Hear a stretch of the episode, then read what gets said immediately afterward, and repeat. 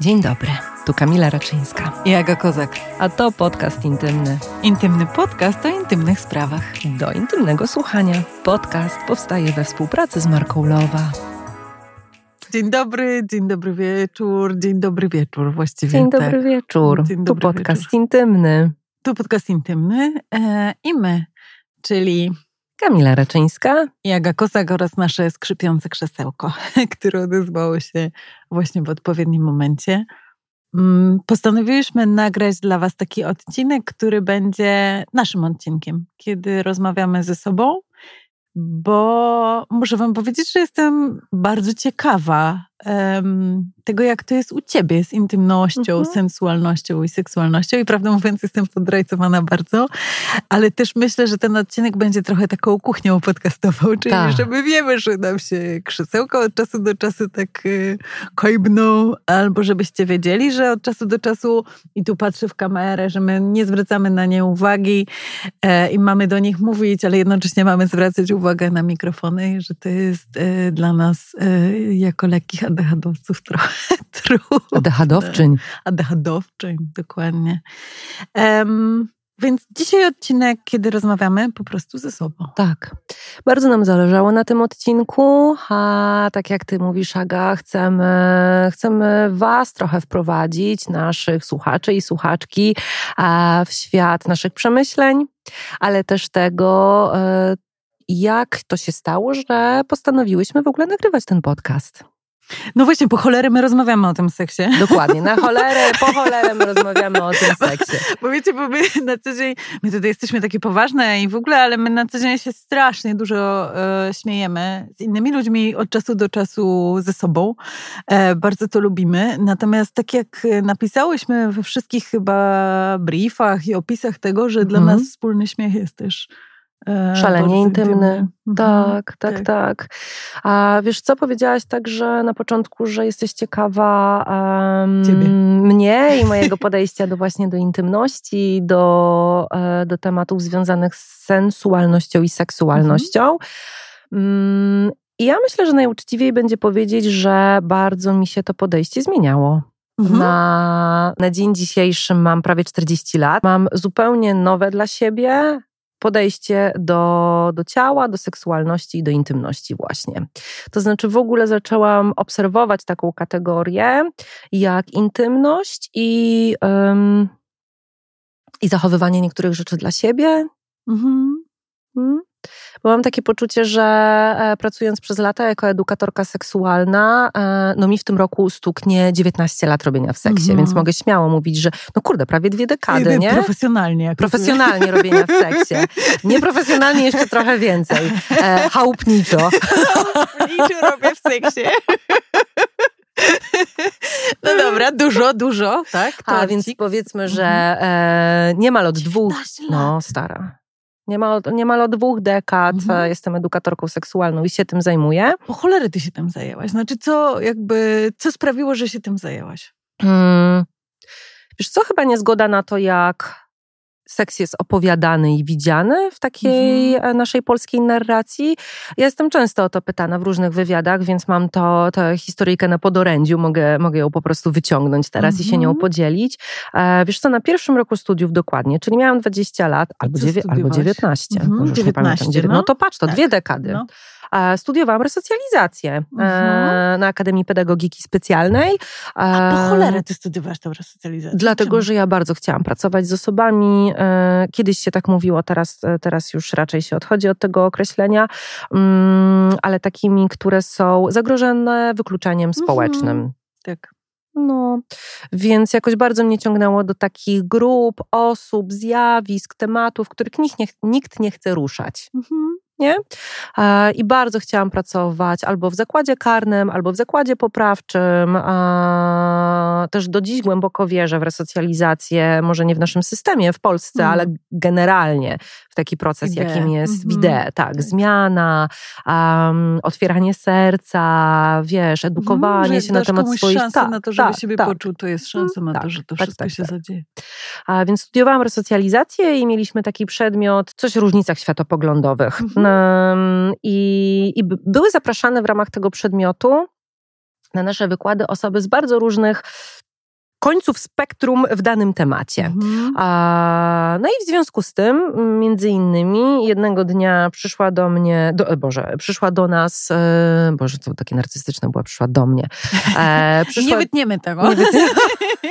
Kurde. Pozwól sobie na zdrowy narcyzm. Tak, no dobrze. Um, do nas na wykład e, przyszła osoba z jakiejś fundacji, takiej bardzo proliferskiej, mhm. opowiadać między innymi e, o tematach, na których moim zdaniem się kompletnie nie znała wówczas. Pewnie nadal się nie zna, bo, bo podchodziła do tego bardzo właśnie światopoglądowo i na przykład opowiadała nam takie rzeczy, że nie powinno być e, w przepisach mm, legalnej, dostępnej aborcji dla zgwałconej kobiety, mhm. ponieważ tak naprawdę ciało kobiety rozpoznaje chciane i niechciane plemniki mhm. i że w momencie, kiedy e, dochodzi, tak, tak, jak mhm. borsuczyca, e, i że w momencie, w którym dochodzi do, no, do, do, do ejakulacji u gwałciciela, mhm. to ciało kobiety, nawet jeżeli jest e, w trakcie owulacji, to po prostu się tak magicznie zaciśnie, mhm. bo rozpozna, że to nie jest sperma mhm. męża, tak? I, I wiesz, i takie głupoty, nie? Szlak cię trafił. Oczywiście, że szlak nie trafił i krew nie zalała i, i pamiętam, że to było dla mnie coś absolutnie oburzającego. Z drugiej strony też myślę, że, że to bardzo w ogóle ciekawe dawać platformę um, też do wypowiedzi. Tak, bardzo różnym światopoglądom, bo dokładnie tydzień później na te same zajęcia, do tej samej auli, do tych samych studentów i studentek przyszła um, pani na pewno miała na nazwisko Solik. Wydaje mi się, że Aleksandra. I serdecznie panią pozdrawiam. Może jakimś cudem pani to 20 mm. lat później wysłucha, która wówczas pracowała w Federacji na Rzecz Kobiet i Planowania Rodziny, czyli zwanej Federą. No i opowiadała nam, jak się domyślasz, o zupełnie mm. innym podejściu do tematu aborcji, zdrowia intymnego, seksualnego. Mm, opowiadała niesamowicie i ma, miała ogromną wiedzę i charyzmę. I ja po prostu po wykładzie do niej podeszłam i spytałam, czy można być wolontariuszką w federacji.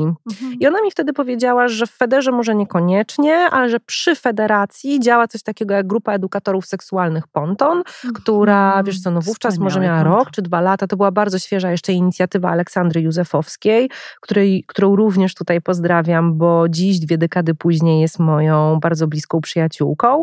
Mm, no i żebym się do Aleksandry, do Pontonu zgłosiła. No i tak też zrobiłam z moją koleżanką z roku, Martą. E, poszłyśmy na rozmowę. E, Ola Józefowska nas przyjęła do grupy Ponton i spędziłam tam jako wolontariuszka następne 10 lat. Hmm. I tak naprawdę e, wszystko, czego się nauczyłam w tamtym momencie, jeżeli chodzi o prowadzenie zajęć z edukacji seksualnej, to dzięki Pontonowi i dzięki Oli Józefowskiej.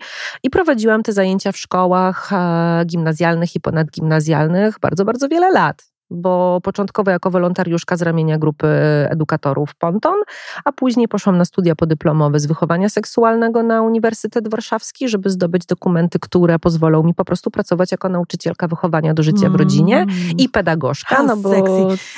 To jest ta, to ta tak. nazwa, która jest niesamowita, ale ty mm. uczyłaś normalnie w 13 szkole. lat. 13 mm. lat pod tablicą w gimnazjach i liceach. A uczyłam jako mm. nauczycielka wychowania mm. do życia w rodzinie, będąc czasem też jednocześnie pedagogzką szkolną. Dlatego, że ty myślałeś, że to jest po prostu ważne. Tak. Mhm. Tak, tak, tak, bez dwóch mhm. zdań. I to też jest coś, co ja powtarzam w zasadzie prawie w każdym wywiadzie, o ile jestem oczywiście o to zapytana. Ja dostałam po prostu cudowne wychowanie seksualne mhm. w domu.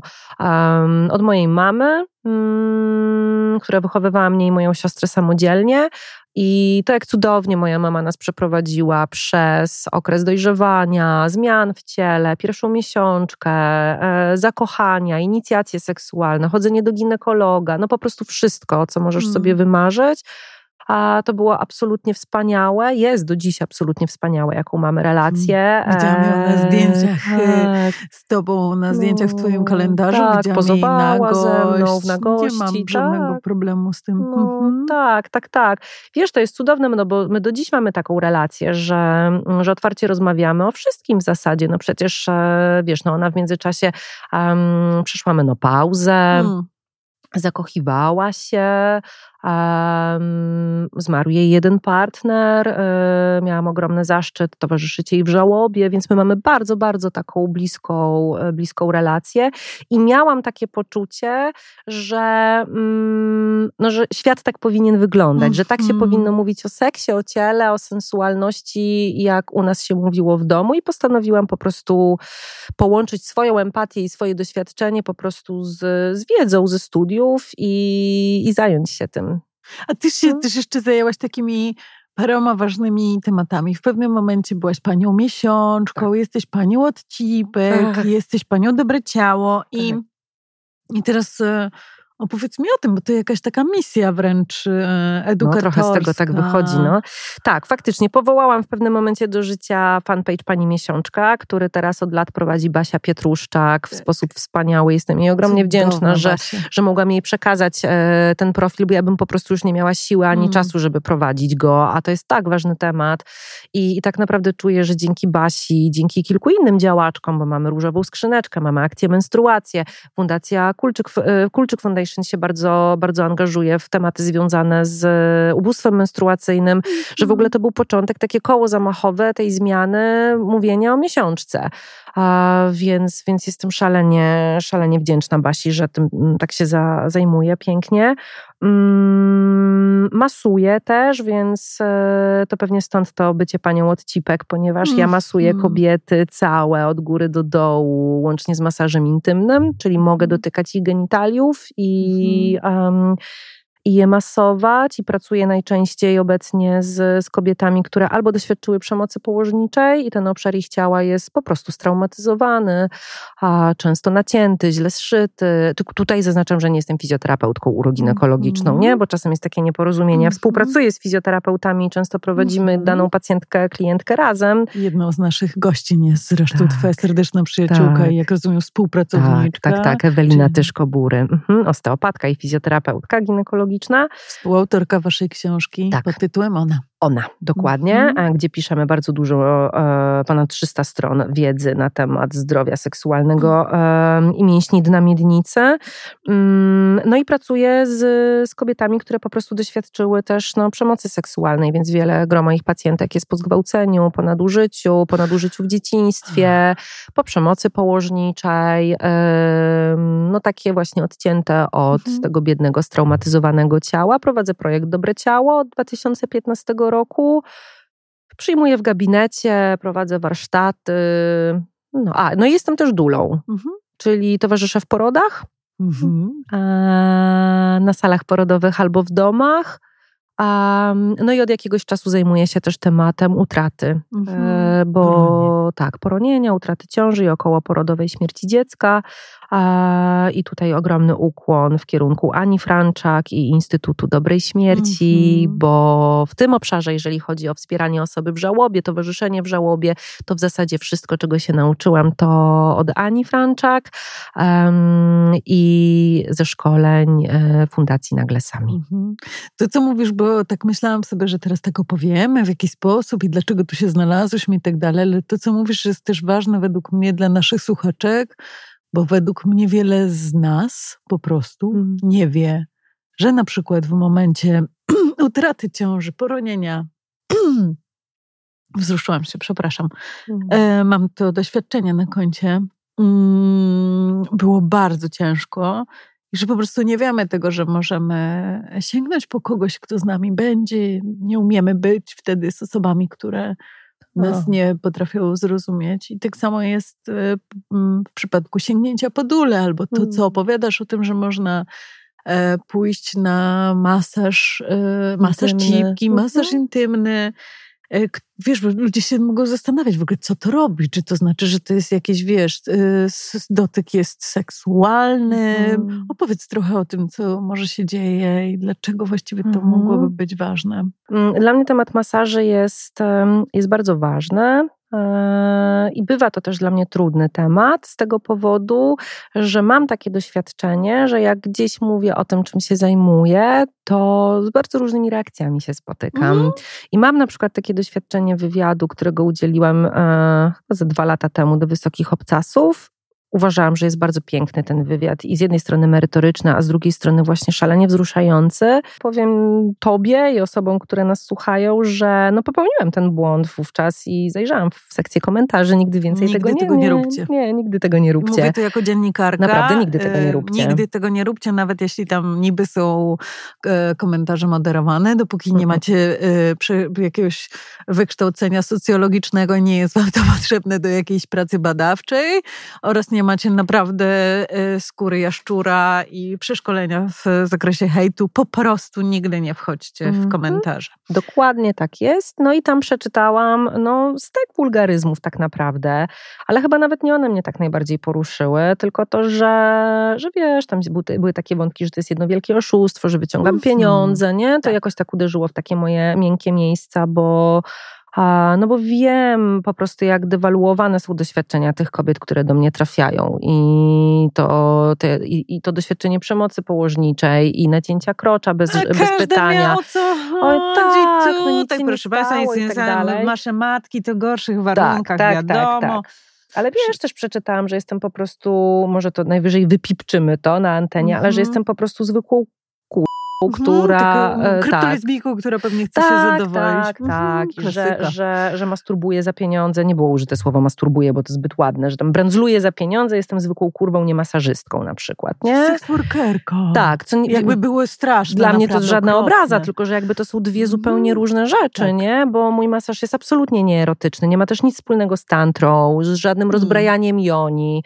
A, jest bardzo intuicyjny, obejmuje całe ciało, od czubka głowy do dosłownie poczubki palców, ale między innymi obejmuje również wulwę i waginę, jest dotykiem siostrzanym, czułym, rozluźniającym, nieerotycznym. nieerotycznym, powtórzę to jeszcze raz. I tak naprawdę najczęstsza reakcja kobiet, które dotykam, jest raczej taka, że gdy kładę na, nie dło, na nich dłoń, um, gdy zaczynam je, je masować, to zwykle to jest wzruszenie. Mm -hmm Naprawdę, po prostu czasem płacz i taka informacja, że o mój Boże, czemu nigdy nikt jej tak nie dotykał? Jej cipki w sensie. Mhm. Czemu nikt nigdy, bo, bo, zwykle jest tak, że nasze wulwy są dotykane albo erotycznie, albo medycznie. Też przez y, nas same. Tak, mhm. jak najbardziej. Um, no i tak, więc, więc faktycznie no jest to jakiś rodzaj chyba misji żebyśmy się w tych ciałach czuły lepiej, żebyśmy miały lepszą relację z miednicą, wulwą, waginą, dołem brzucha, z seksem, z własnymi wydzielinami, orgazmami, mhm. nie? Tożsamością. No kinkami, tak. tym, co tak. nas podnieca, mhm. ale też tym, że jak nagrywamy, to musicie wiedzieć, że jest to nasza druga sesja hmm. y, nagrywania tego podcastu i obydwie jesteśmy w y, wielkim wachlarzu pomiędzy PMS-em a okresem. Tak. Jesteśmy zgrane pięknie. pięknie, ale też, że sprawia to, że czasami jesteśmy powolniejsze albo że nas coś boli. Dokładnie. I dla mnie chyba najważniejszym takim doświadczeniem nauczonej intymności przez te wszystkie lata y, mojego rozwoju, też seksualnego, bo psychoseksualnego, to było takie nauczenie się życia ze sobą samą, jako nie jednostką wybrakowaną, czyli mm. kobietą, mm. tylko po prostu jako sobą i kobietą. Tak? tak? Jakby takim naturalnym byciem. I też dziękuję Tobie, Basi i wszystkim tym kobietom, które wykonały tę pracę w wielu krajach, na wielu płaszczyznach przywracania nam tego doświadczenia. Teraz jest takie piękne, e, piękną pracę z klimakterium. Alicja robi Długołęcka. Alicja Długołęcka. Mamy nadzieję, że będziemy szansę miały z nią porozmawiać i serdecznie pozdrawiamy. Um, ale um, to takie, um, wiesz, myślenie o sobie w takiej naturalnej zgodzie ze sobą, to, że jeżeli mam PMS-a, to nagle ja w ogóle rozpoznaję, że go mam. Tak. To jest jakby. Mm, teraz czekaj, bo chcę użyć brzydkiego słowa. Dużo przeklinam, a nie mogę tutaj, ale to jest mind-blowing experience, czyli to jest naprawdę coś, co zmienia y, y, całkowicie też y, podejście do siebie samej i w ogóle taką um, filozofię mnie, w tym sensie, że ja sobie więcej pozwalam e, na bycie taką, jaką jestem i nie wymagam od siebie i nie cisnę siebie, nie? I, um, można tu mówić oczywiście o tych są kobiety, które w ogóle żyją w zgodzie z fazami księżyca i siebie i w ogóle ja tego aż tak bardzo nie robię, ale wiem, że po prostu jestem dla siebie bardzo, ja o wiele jestem lepsza dla siebie, mhm. od kiedy wiem, że mogę być lepsza i mam na to, na, do tego narzędzia i sposoby. I um, tych narzędzi jest um, wiele. Wiem też, że mogę siebie masować, wiem, co tak. mi robi seks podczas tak. okresu, który uwielbiam i w ogóle mm, też zawsze jakby rozumiem osoby, dla których to też nie jest y, opcja, ale rozumiem też osoby, które po prostu to kochają mm -hmm, absolutnie i miałam mm -hmm. takie mhm. trudne rozmowy oraz yy, przyznaję się, że rezygnowałam z relacji z ludźmi, dla których to nie było opcją, bo jakoś tak, tak no i było. zupełnie jakby bez oceny tych tak, osób, ale masz na to, na to, do tego prawo, do tego nie? Prawo jest mhm. to moment, w którym też mam ogromną mm, ogromną, ogromną przyjemność. Jest to niesamowite jakieś takie doświadczenie. Natomiast myślę sobie, że dla mnie ten podcast intymny jest tak ważny na wielu poziomach, ponieważ ja jakoś wierzę i myślę, że mam to od dzieciństwa, że ta seksualność jest tak strasznie integralną częścią, podstawową częścią nas, tak jak oddychanie, preferencje jedzeniowe właściwie. Temperament, temperament w ogóle, nie? wszystko. To się też tak niesamowicie zmienia, o czym też nikt nie mówi i chciałam właściwie podkreślić to, że ja mam od dzieciństwa miałam ogromny głód i do tej pory mam ten głód tego, żeby te, to doświadczenie seksualności, również aseksualności, włączać po prostu tak. w opis świata. W tym sensie, że jest to tak wyrugowane, mm, różnice y, pół, genderowe, właściwie tożsamości były niewidzialne, niewidoczne, ale też to, że jakby seks, seksualność, ciało e, w ogóle, bo to też nieseksualne ciało, jest wyłączone jakby z naszego takiego codziennego e, postrzegania świata, tak. takiego bardzo kapitalistycznego i takiego, w tak, którym tak, musimy być funkcjonować. Wydajna, tak. Masz być wydajna, wydajny. Mhm. Um, ciało traktujemy bardzo często narzędziowo. Mhm. Jeżeli je o nie dbamy, to raczej w takim klimacie serwisowania auta. Albo tego, że musi spełniać wymogi, bo Albo, że musi, tak. kobietą, to musisz cały czas musisz jeszcze doskoczyć do jakiegoś, żeby tak. doskoczyć do jakiegoś mhm. poziomu. Tak, i te ciała są bardzo seksualizowane. No, Nagość też jeszcze... mają, przepraszam, bo tak, ale mężczyźni też mają standardy Mają przerąbane, przerąbane, mają coraz przerąbane, bardziej przerąbane, tak, naprawdę. Tak. Też mają mniej narzędzi, żeby żeby sobie radzić, tak. E, mniej takiego drive'u, żeby się... Nie, nie mają mniej narzędzi, mają, dają mm. sobie jako społecznie mniej Tak, narzędzi. tak, tak, to mam na tak, myśli. Bo to mam na myśli. mają te same. Tak, tak. E, społecznie, oczywiście. Tak. Mm, ja, ja, ja cały tak. czas uważam, że patriarchat uderza e, zarówno w kobiety, jak i w mężczyzn, mężczyzn, po prostu w inny sposób. Natomiast no, mają mniej drive'u, żeby tak. się tak, wiesz, jednoczyć, tak. E, kręgować w tak. tym. A, opowiedzieć koledze o tak, tym. Tak, opowiedzieć koledze, jak się czują. Powiem ci coś, byłem ostatnio uh -huh. w mhm. hotelu, w którym było bardzo wielu amerykańskich żołnierzy, którzy jakby wspomagają, tak, wspomagają jakby polskie wojsko. Mm -hmm. I ponieważ są to osoby, które po prostu są um, weteranami, więc uczą e, Polaków w obliczu y, konfliktu zbrojnego, wojny, e, wojny za naszą granicą. I to, co jest absolutnie niesamowite, to jest to, że oni są na przykład zakontraktowani na rok Aha. i oni mieszkają w jednym miejscu, czyli po prostu spędzają ze sobą dużo wolnego czasu. I ponieważ um, ja tam też spędziłam chwilę czasu w tym, w tym miejscu, to dla mnie było niesamowite to, że coś mi się kurde nie zgadzało. znaczy wiesz, że tak patrzysz na rzeczywistość i coś ci się nie zgadza. No. Tak jak wysiadasz na przykład w Indiach na lotnisku i widzisz, że chłopaki, który, którzy sprzedają tam w sklepach bezsłowych, chodzą za rękę, nie? Bo takie jest y, okay. przy, przy, społeczne mhm. jakby przy, przyzwolenie i w ogóle takie jest, dla nikogo dwóch mężczyzn za rękę nie jest jakby problemem. W Polsce czy w Europie to nie jest jakby aż tak przezroczyste, tak? tak. Natomiast ja się zastanawiałam, co się stało i okazało się, że po prostu ci mężczyźni spędzali ze sobą w duetach strasznie dużo czasu, opowiadając sobie hmm. historię. Mhm. Znaczy siedzieli ze sobą i ze sobą godzinami rozmawiali. Na trzeźwo? Tak. No. no. nie, na trzeźwo też. Na, nie na trzeźwo trzeba, y, ze sobą śpiewali karaoke, co w Polsce też jest jakby takim obnażeniem ze wstydu. No oczywiście. Wspaniała historia.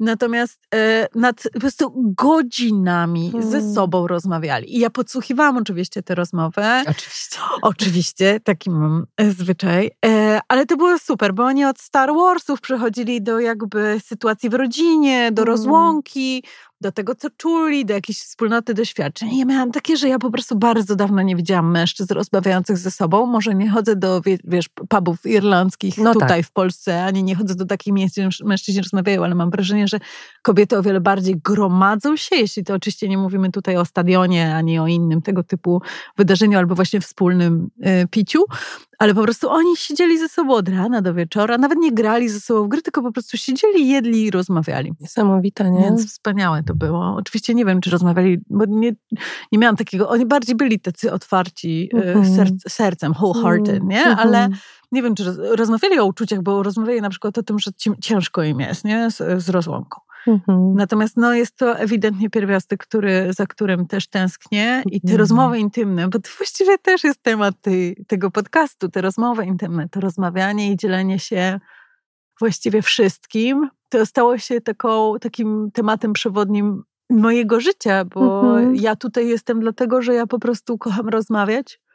E, mam takie poczucie, że mam czułe ucho. E, mhm. Umiem to robić i w ten sposób zarabiam w ogóle na życie, mhm. że albo słucham jako dziennikarka, albo jako coacherka, albo jako prowadząca różnego rodzaju panele, albo podcasterka.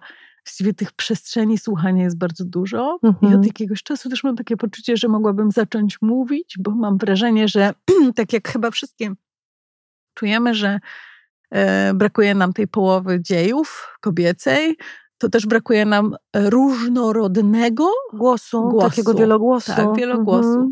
Ja się czuję bardziej queerową kobietą niż e, nawet kobiecą kobietą w tym mhm. sensie, że mm, od dzieciństwa, nie będąc wychowana na przykład w domu religijnym, byłam, e, czułam się taką mniejszością. Wiedziałam, jak to jest trochę być prześladowanym i błagam, tutaj ja w żaden sposób nie staram się przejąć czyjegoś doświadczenia i powiedzieć, że jestem taka sama i że byłam wykluczona, ale bardzo rozumiem to doświadczenie, tak to czuję. E, I właściwie od wielu, wielu lat ta, to poczucie inności i bycia wychowaną właśnie w jakimś zupełnie też innym domu, w którym też nawet nie tyle chodziło nago, ale na przykład nie zamykało drzwi do łazienki, uh -huh. kiedy się człowiek kąpał. W ogóle to było cudowne. Ja to nazywam hipis, hipisiarskim domem, domem, bo ja też Tam różne były takie, te, takie czasami nie można było patrzeć, jak się ludzie całują, bo tam tata ściemniał, ale generalnie było tak, że w sumie że jakby wszyscy kąpaliśmy się jako uh mhm. -huh. dzieciaki razem i w ogóle to było takie mama e, o wiele większy luz i w pewnym momencie ojciec jakoś wjechały mu jakieś dypy, nie wiadomo co i po prostu musiał to zrobić, że się zaczął zakrywać. ja tu powinnam z tego Edypa skorzystać, powiedzieć, że mój ojciec jest bardzo przystojnym mężczyzną. Jest bardzo przystojnym mężczyzną, tak, tak. dziwnego, że się chroni przede mną i moją zaborczą miłością. Natomiast Natomiast e, ja mam takie wrażenie, że y, to docieranie do swojej różnorodności, mhm. ale też ta różnorodność polega na po prostu eksponowaniu seksualności. W tym sensie, że ja po prostu nie wiem, co tam jest, kurde, do ukrycia. W tym sensie, że jeżeli jest to intymne i chcesz zatrzymać to przy sobie, to zatrzymuj, no właśnie, ale właśnie. bo to nie o tym mówię, że mamy wszyscy opowiadać i mówić i musimy, mamy przymus że koniecznie, mówienia że to koniecznie, jest przymus, tak, dokładnie. Ale że jeżeli, ja nie rozumiem tego, że społeczeństwo mi zabrania mów, o mówię, mówienia o tej części mojego doświadczenia.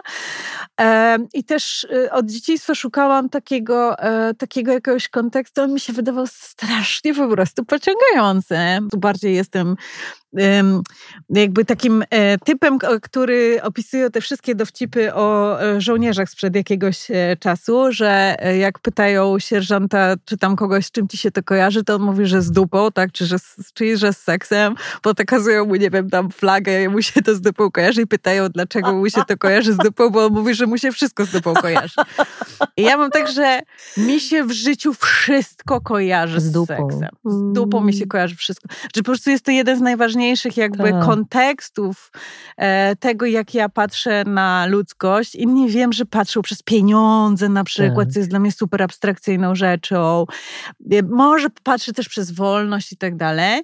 No ale ja jestem skrzywiona. Ja jestem po prostu, wiesz... Córka lekarza. Córka lekarza, ale jakby, rozumiesz, nie tam patrzę, że to nie wiem, choroba skóry, czy to rozumiesz, że mogłabym jakieś symptomy, tylko po prostu mi się wszystko, ja tak patrzę na ludzi jako na piękne, intrygujące obiekty o niesamowitej mhm. jakiejś fakturze, zapachach, o jakimś niesamowitym potencjale, o niesamowitej jakiejś marzycielskości i e, oprócz tego, że zajmuję się tym, że widzę ludzkie talenty, jest to mój talent, że widzę ludzkie talenty bardzo szybko, bo jak pracuję od lat właściwie z ludźmi, którym mówię, ej, ale do tego masz talent mhm. i to możesz robić mhm. i ludzie to bardzo często tego słuchają i to jest moje mhm. szczęście, to tak mam z takim potencjałem naszym erotycznym, a przecież naczytałyśmy się tyle tych książek, które mówią o tym, że to wyzwolenie potencjału erotycznego yy, człowieka, nie mówiąc o wyzwoleniu potencjału erotycznego kobiety, które może według mnie zmienić cały świat, mhm. że to jest yy, coś, co na poziomie takiego zdrowia psychicznego i fizycznego, to jest kurczę po prostu zapewnienie sobie totalnego dobrostanu. Aha. Bo to i wpływa na to, jaką mamy i to ty powinnaś według mnie tutaj, mnie tutaj tam sekundować w tym, bo przecież wiadomo, że krążenie, że ruch no fizyczny, no oksytocyna, bliskość, bliskość, czułość. Tak, tak, tak. Pozbawieni tego, mm. również przez ten taki system, w którym pracujemy od 9 do 17, choć wiem, że w biurach dużo się dzieje, słyszałam i czytałam różne statystyki.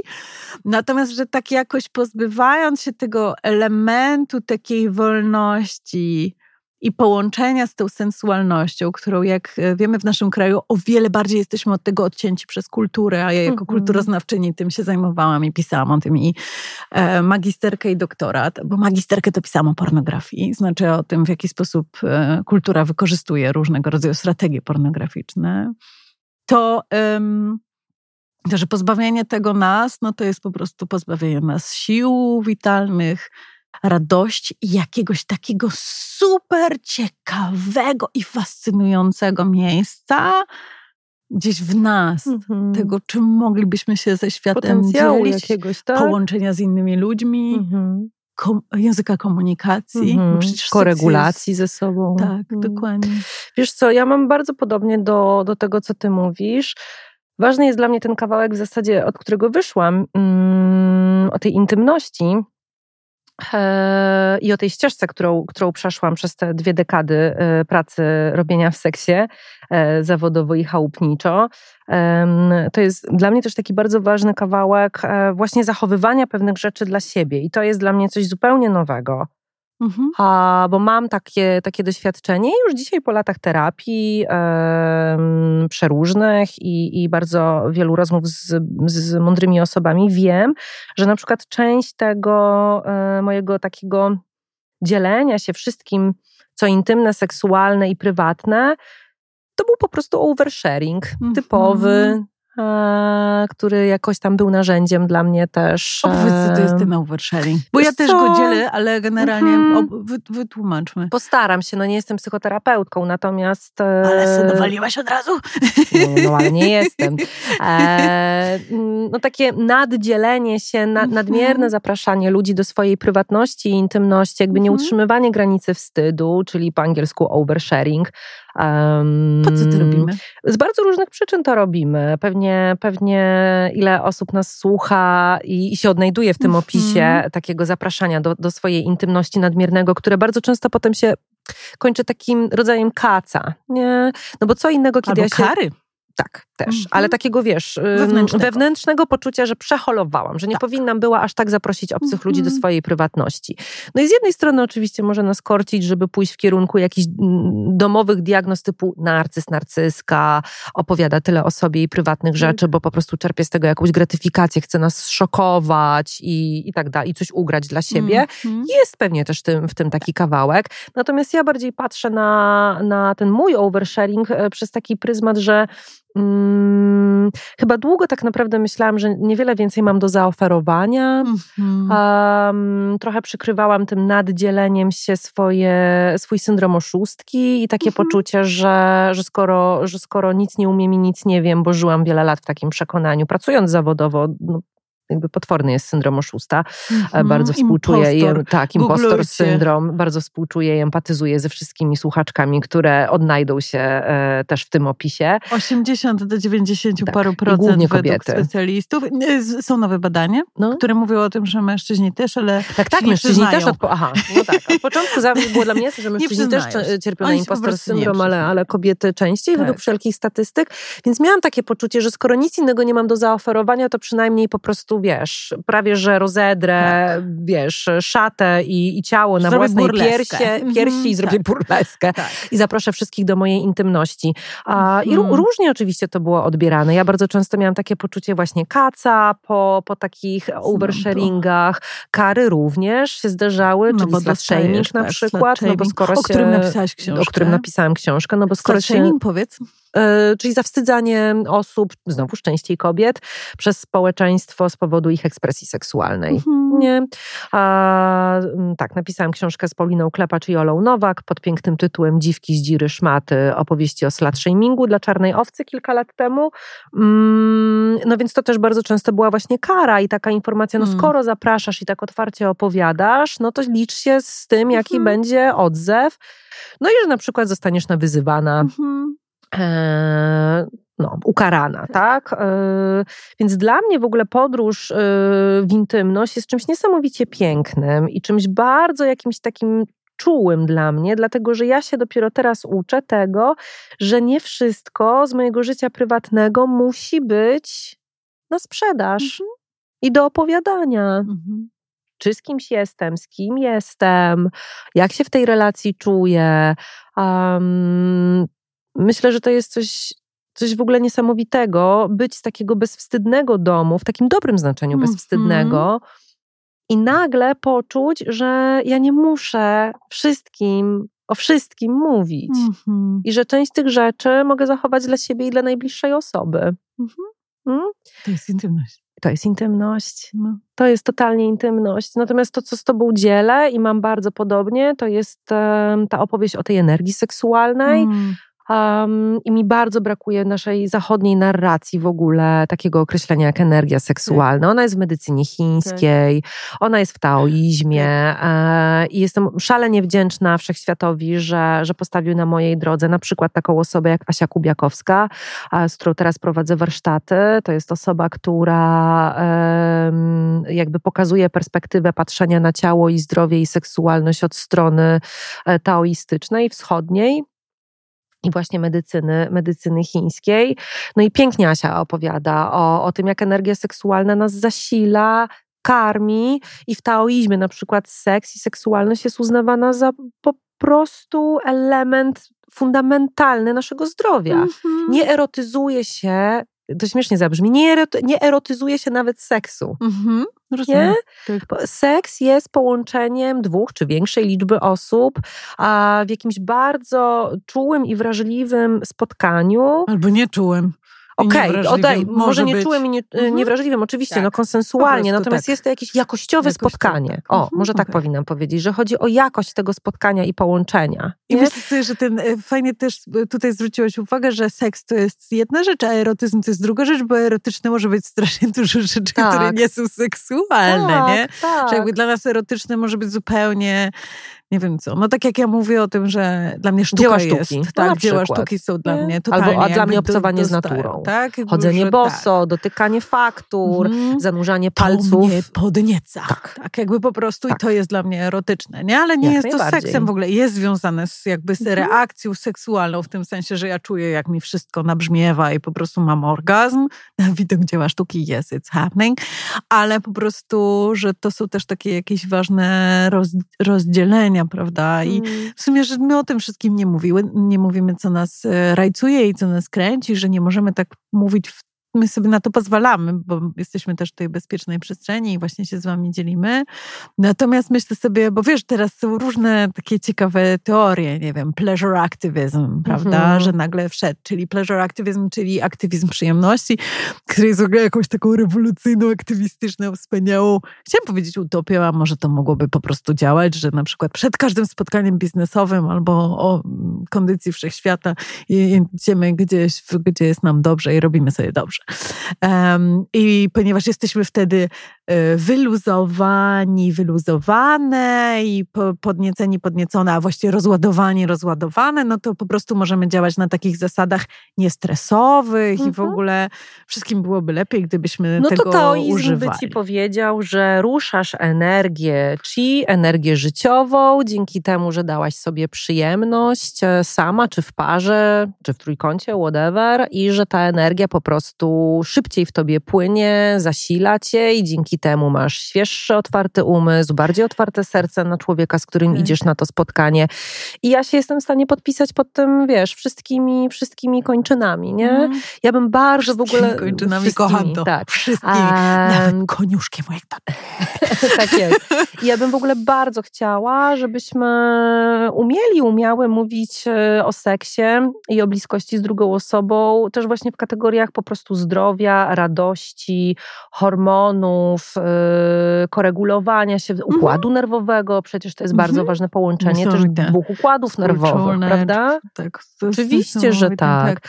I, i, I tak naprawdę no, my widzimy na przykład jakąś, mm, my, my, my widzimy na przykład wiemy, rozumiemy na zachodzie, a, że zestresowana osoba może mieć trudność z podnieceniem nawet w filmach amerykańskich ten wątek takiego, wiesz, te, te, te, ten taki kadr, że mężczyzna siedzi na brzegu łóżka, tyłem do kobiety, zmarnowany, a ona go tam głaszcze po plecach i mówi, kochanie, nic, nic się nie stało. stało. Przecież mhm. miałeś tyle stresów ostatnio w pracy mhm. i wiemy, że chodzi o impotencję, że nie miał mhm. erekcji i gdzieś tam nam się już to linkuje, nie? Tak. Gdzieś nam się linkuje, łączy to, że na przykład, nie wiem, co kobieta z powodu stresu jest w stanie, no, stracić miesiączkę na mhm. przykład. Tak. Hmm?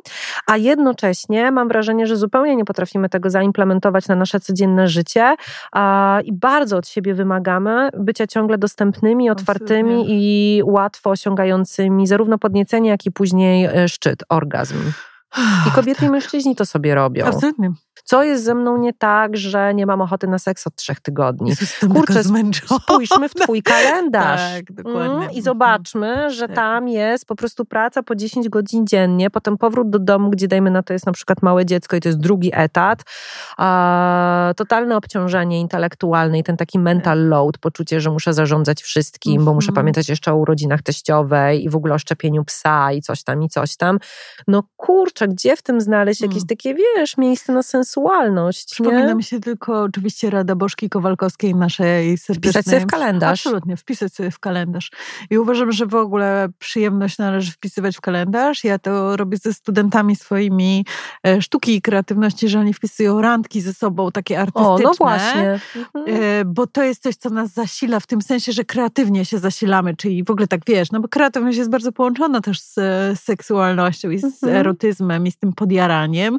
Natomiast no oni chodzą na randki artystyczne mają wpisywać sobie w kalendarz, ale chodzenie ze sobą na, na spokój, mhm. chodzenie ze sobą na mm, rodzaj mm, odpuszczenia, chodzenie ze sobą na randkę z partnerem wieloletnim, w wieloletniej relacji, e, chodzenie ze sobą do łóżka mhm. i wyłączanie telefonu tak. przy tym, chyba że na nim jest jakaś podniecająca historyjka, którą właśnie sobie wyświetlamy, na przykład um, podcast um, mruczący albo filmiczek, albo jeszcze inna rzecz, która nas podnieca, to rozumiemy. Natomiast no, znalezienie tej przestrzeni na tą przyjemność, która nas tak bardzo reguluje, jest chyba Tak, ja też sobie wpisuję ważne, w kalendarz, ja to nazywam dekompresją. Dekompresja. Ja potrzebuję no. dekompresji między pracą a pracą, bo wiesz, w tym momencie moja rzeczywistość zawodowa wygląda tak, że ja muszę na przykład bardzo się przeskakiwać między tonalnościami, bo z jednej strony robię ten podcast z tobą, który jest mruczeniem i no i w sumie rozmawiamy o przyjemnościach. Czasem, czasem tam się wkradają trudne mhm. tematy typu, nie wiem, bolesność podczas współżycia, czy właśnie slut shaming, jasne. Natomiast nadal jest to dla mnie raczej coś przyjemnego, takiego rozrywkowego, zasilającego. Mm, no a drugą ręką robię, wiesz, ogólno współrobię z Joanną Frejus um, ogólnopolski projekt o poronieniu, o utracie mm, i w mm, zasadzie, tak. wiesz, są takie dni, że ja przeskakuję z pisania opowiadania erotycznego do kontaktu indywidualnego z kobietą e, w żałobie, która, która nie wiem co, straciła ciążę kilka dni temu. A, więc to jest taki duży, duży, duży kawałek. Natomiast to, co chcę powiedzieć, to to, to że patrzenie na swoje zasoby, na dynamikę swojego dnia i tygodnia, właśnie wpisywanie sobie tych takich momentów na dekompresję, e, żeby pobyć z samą sobą, czasem erotycznie, czasem nie, mm-hmm. jest szalenie ważne, bo my as a society, my jako społeczeństwo jesteśmy cholernie przestymulowani. Potwornie. Potwornie jesteśmy przestymulowani. Nasze układy nerwowe są kochani i kochane w strzępach.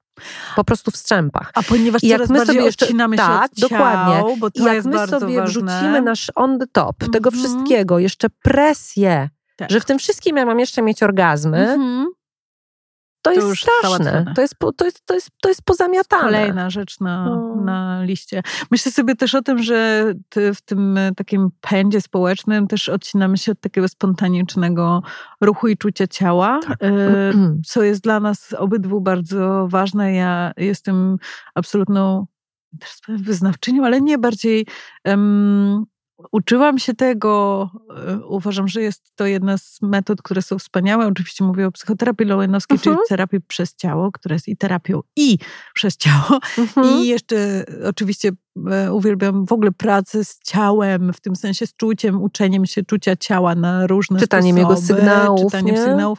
Czyli i mindfulness, czyli jakby mhm. wyczulanie focusing. się na siebie, self-focusing, wszystkie jakieś te. Ja kocham też oczywiście tre, mhm. które zostało z, jakby zaprojektowanym dla, a propos amerykańskich żołnierzy, tak, tak. narzędziem um, który, terapeutycznym. Te osoby, które są w traumie nie mówią, najlepiej otwierają się i leczą przez ciało. I teraz w tym naszym społeczeństwie, i mówię to o sobie, y, mówiąc to, gdzie ja jestem chyba trochę pracocholiczką, bo to po prostu kocham. E, jakby bardzo wiele rzeczy robię, jeszcze robię to na czasami trzy miasta, albo mm. jestem dużo w podróży. Zapominam o takim rodzaju dekompresji, które też siostry Nagowski bardzo mm -hmm. pięknie w swojej książce pod tytułem, nie wiem, Wypalenie, czy ona Jak wyrwać siłę, się z błędnego koła stresu. Tak, tak. opisują, mm -hmm. że po prostu tak naprawdę to, co nam jest potrzebne, żeby dopełnić te stresowe Dokładnie. cykle, to są takie proste rzeczy jak wysiłek fizyczny ale też tańczenie i spontaniczne tańczenie, trzęsienie ciałem, śmiech, śmiech seks, płacz. E, przytulanie, e, kontakt z drugą osobą, darcie japy, znaczy krzyczenie. Kontakt z naturą. rzeczy, które, ale też takie po prostu połączenie się ze sobą, bo też oczywiście medytacje i mindfulness i wycieszenie też pomogą, ale generalnie, że te wszystkie rzeczy, o których teraz mówimy, że one są jakby u niektórych osób dziwactwem, u niektórych, u większości z nas luksusem w mm. dzisiejszych czasach e, i że jest to jak, jakaś jedna z naszych, z moich najważniejszych rzeczy, żeby po pierwsze sobie to robić, po drugie, żeby przekazywać o tym informacje ludziom na warsztatach antystresowych, um, mówić o tym na winku z mhm. koleżankami, bo to winko czasami nie rozładowuje wcale tego stresowego tak naprawdę, chociaż jest o wiele lepsze niż e, filmy, serial e, i, i, i e, pizza. E, natomiast, natomiast to też jest taki mój... Moja, moja ważna dla mnie rzecz, żeby do tego ta, ta intymność, ciało, żeby to czucie ciała wracało, bo im bardziej czujemy ciało, tym bardziej czujemy emocje, im bardziej czujemy emocje, tym bardziej pozwalamy sobie na czucie być może ciała i że to wszystko doprowadza nas do lepszego życia, takiego bardziej spełniającego być może życia, sensualno-seksualnego. Ja bym powiedziała, że bardziej świadomego życia. Świadomego. Bo w ogóle. Tak, w ogóle. tak, tak, w ogóle. Mm, ja mam też taką myśl, że często może być nam trudno e, zaoferować sobie te wszystkie rzeczy, Mhm. A łatwiej jest nam często zaoferować czułość, bliskość, masaż, randkę, dotyk, e, komuś, kogo kochamy. Tak. Idealnym przykładem na przykład dla mnie jest e, temat jedzenia. Mm. To tutaj zdradzę tylko taką informację, że ja jestem osobą, która ma bardzo taką specyficzną relację z jedzeniem. Mm. To mhm. znaczy Zdarza mi się w ogóle nie czuć głodu mm. i, i, w ogóle zapominać, że powinno, mm. że powinno mhm. się jeść. I tak naprawdę, gdyby ktoś mi kiedyś powiedział: Słuchaj, stara, e, możesz zacząć żyć w taki sposób, że trzy razy dziennie będziesz łykała tabletkę, e, w której będziesz miała wszystkie makro, mikroelementy, nabłyszczące włosy, piękną skórę i zdrowie intelektualne, i nie musisz już pamiętać o jedzeniu, to, to ja bym coś takiego, to, ja bym w to poszła mhm. jak w dym. Ja wiem, że są osoby, podejrzewam, że możesz być taką osobą, które się mhm. rozkoszują jedzeniem, jest dla nich tak tak, moja Asia Frejus jest też taką osobą, dlatego uwielbiam z nią wyjeżdżać. 10 lat pisałam o jedzeniu. No ja dzięki Aśce w ogóle Jem. gryzę, zanim połknę mm, i czuję smak, mm. nie? E, no więc właśnie jedzenie. I na przykład dość typowe jest dla mnie to, że e, to zawsze mój mąż się ze mnie śmiał, że e, ja jem na zimno, na stojąco nad śmietnikiem. To jest mój styl jedzenia, nie? Mhm. Albo tak jak dzisiaj... w kiblu mogłem, przepraszam, to, że tak mogłabym, mogłabym. Nie, ma, nie ma problemu. Bo w wannie to ja jem, przyznaję się, ja, o Jezus. w wannie też jem, to akurat uważam za bardzo przyjemne. Tak. Natomiast, no tak jak dzisiaj, no na przykład podgrzewam sobie coś w garnku i już nie nakładam tego na talerz, tylko po prostu jem jest z tego garnka. I potem mam taką myśl, kurde, no czy ja bym tak ugościła w domu osobę, którą kocham? No hmm. No nie nie dałabym e, lekko, nie do końca podgrzanego jedzenia w garnku i kazała jej stać jedząc, nie? To jest jedna z takich złotych zasad. Tak. Komu, że jeżeli zrobiłbyś albo zrobiłabyś to najukochańszej, czy zrobiłabyś to, to najukochańszej osobie. osobie. Tak, tak, tak, I dla mnie na przykład taką podróżą do ciała tak naprawdę była najpierw pracowanie z cudzym ciałem. Hmm. I w momencie, kiedy ja sobie zdałam sprawę z tego, jak ogromna jest dysproporcja, wręcz przepaść między tym, jak ja dotykam obcą w zasadzie dla siebie kobietę, którą poznałam pół godziny wcześniej w gabinecie, i jak ja, z jakim namaszczeniem w ogóle, wiesz, zanim położę tak, dłonie tak, na niej, nie? Ja, ja, tak. ja jestem świadoma intencji, z jaką kładę te dłonie, ja biorę oddech ja sprawdzam ze sobą, z nią, czy wszystko jest w porządku i jak ją masuję, to robię to naprawdę skupiona na niej. A potem wracam do domu i wiesz, i masuję siebie balsamem, o tak, nie? wiele szybciej, a, gdzieś tam w biegu. Mm, znam to, bo znam to Jezu. też sypialnie, że potrafię innym ludziom godzinami sprawiać przyjemność, a potem myślę sobie, no dobra, no to zrobię sobie dobrze. Raz, dwa. Trwa, raz, dwa, nie? No. Jakby myślę sobie, i w jednym ja, która po prostu tyle się tak. naczytam tak. najpierw, pomasuję ten mózg wszystkim, tak. a potem myślę sobie, dobra, zrobiłaś sobie właśnie po prostu coś, na co nikt nikomu byś po, nie pozwoliła. Dokładnie. I Nigdy. dla mnie to był, to był, to był mindfuck. I tak. kiedy się zorientowałam, że kilka lat temu, że w życiu bym nikogo, czy prywatnie, czy zawodowo, nie potraktowała tak z buta, mhm, jak zdarza mi się traktować swoje własne potrzeby. Mhm. A, I to był moment bardzo, no też trudny, bo to był taki moment dla mnie zderzenia się ze ścianą i z takiej, z takiej i oczywiście pod, podbiło mi to tylko ten um, syndrom oszustki, że w takim razie jestem hipokrytką, jak ja mam pracować no, z innymi ludźmi, skoro nie umiem się zaopiekować samą sobą. I w ogóle się doprowadziłam do wrzodów żołądka ze stresu. Mm. Powinnam oddać wszystkie swoje dyplomy mm. i, i, i wiesz. Mam jako coacherka takie, e, takie powiedzenie, że sama sobie laski nie zrobię. Oczywiście większość mężczyzn wtedy, jak słyszy to, ona mówi, no nie, podobno się da. Ale tak, wytniesz żebro, tak? To tak, jest urban legend. To jest tak, urban tak, tak. legend. I generalnie mówię sobie tak też o tym, tak? Jakby mam mm. też wrażenie, że to jak w filmie, nie wolno wymieniać tego nazwiska Woody'ego Allena, że po prostu ci, którzy nie umieją um, uczyć, to uczą tam gimnastyki, że po prostu też jest tak, że, że e, zostajesz nauczycielem czegoś po to, żeby, żeby samemu sobie nauczyć. powtarzać i tak, się nauczyć. dokładnie. Ja też tak czuję, że taka, taka moja karma. Dlatego też y, chyba tak zmierzając ku końcowi, mam nadzieję, że w jakiś sposób wyjaśniłyśmy wam, wiem, że wyjaśniłyśmy przecież, e, co to jest, po co, skąd, ale też... Wyjaśniłyśmy Wam, że o ile jesteśmy wiedzące, strasznie dużo czytamy, e, dowiadujemy się, przede wszystkim doświadczamy, e, rozmawiamy, rozmawiamy słuchamy. słuchamy, e, rozmawiamy z mądrymi mm. osobami, jesteśmy ciekawe tych wszystkich tematów, to naprawdę nie uważamy się za ostateczne guru w mm. tym temacie i naprawdę to nikt nam tego nie, w mówi, nie chcemy e, takiego mieć statusu. Natomiast my też uczymy się od siebie, z mm. tego, co tu tworzymy i uczymy się od Was, mam nadzieję. Tak być może z Waszych komentarzy, być może z jakiegoś zapotrzebowania na to, o czym chciałybyście usłyszeć i ten podcast powstał po to, żebyśmy my też pamiętały o tym, jak bardzo to jest ważny kawałek nas i wpisywały go w kalendarz. Hmm, pięknie powiedziane. Podpisuję się pod wszystkim i, i mam na koniec też taką, taką myśl, że że bardzo mi też zależało na tym, żeby, i myślę, że to osiągamy, żeby ta praca nad podcastem e, była naturalna. To znaczy, właśnie e, słychać nasze przejęzyczenia, słychać nasze wzruszenia. Adechadowe odruski. Tak, dokładnie, adechadowe jakieś. Skrzypiące krzesełko. Mhm, ja oczywiście przejrzałam te odcinki, które już zmontowałyśmy i miałam masę ale do siebie, a, że, a to, że trzepię głową, a to, że nie mogę wysiedzieć w miejscu i i masę, masę, masę różnych rzeczy. I dopiero musiałam włączyć, musiałam, chciałam, podjęłam taką decyzję świadomą, włączyć ten taki czuły, samowspółczujący głos, który, który jest takim kojącym głosem mojej psychoterapeutki, tak naprawdę. Mm. A, I ja daję sobie pozwolenie na to, że to nie będzie idealne. Po prostu. Albo głos w świętej pamięci wspaniałego e, Wiktora Osiatyńskiego, który mm. mówił, że po prostu należy się od siebie odchrzanić. Tak jest.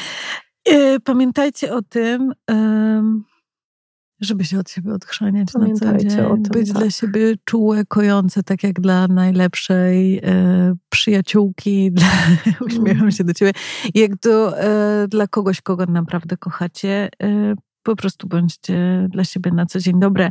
My staramy się dla was robić takie narzędzie, które może wam w tym pomóc. Mm. I co?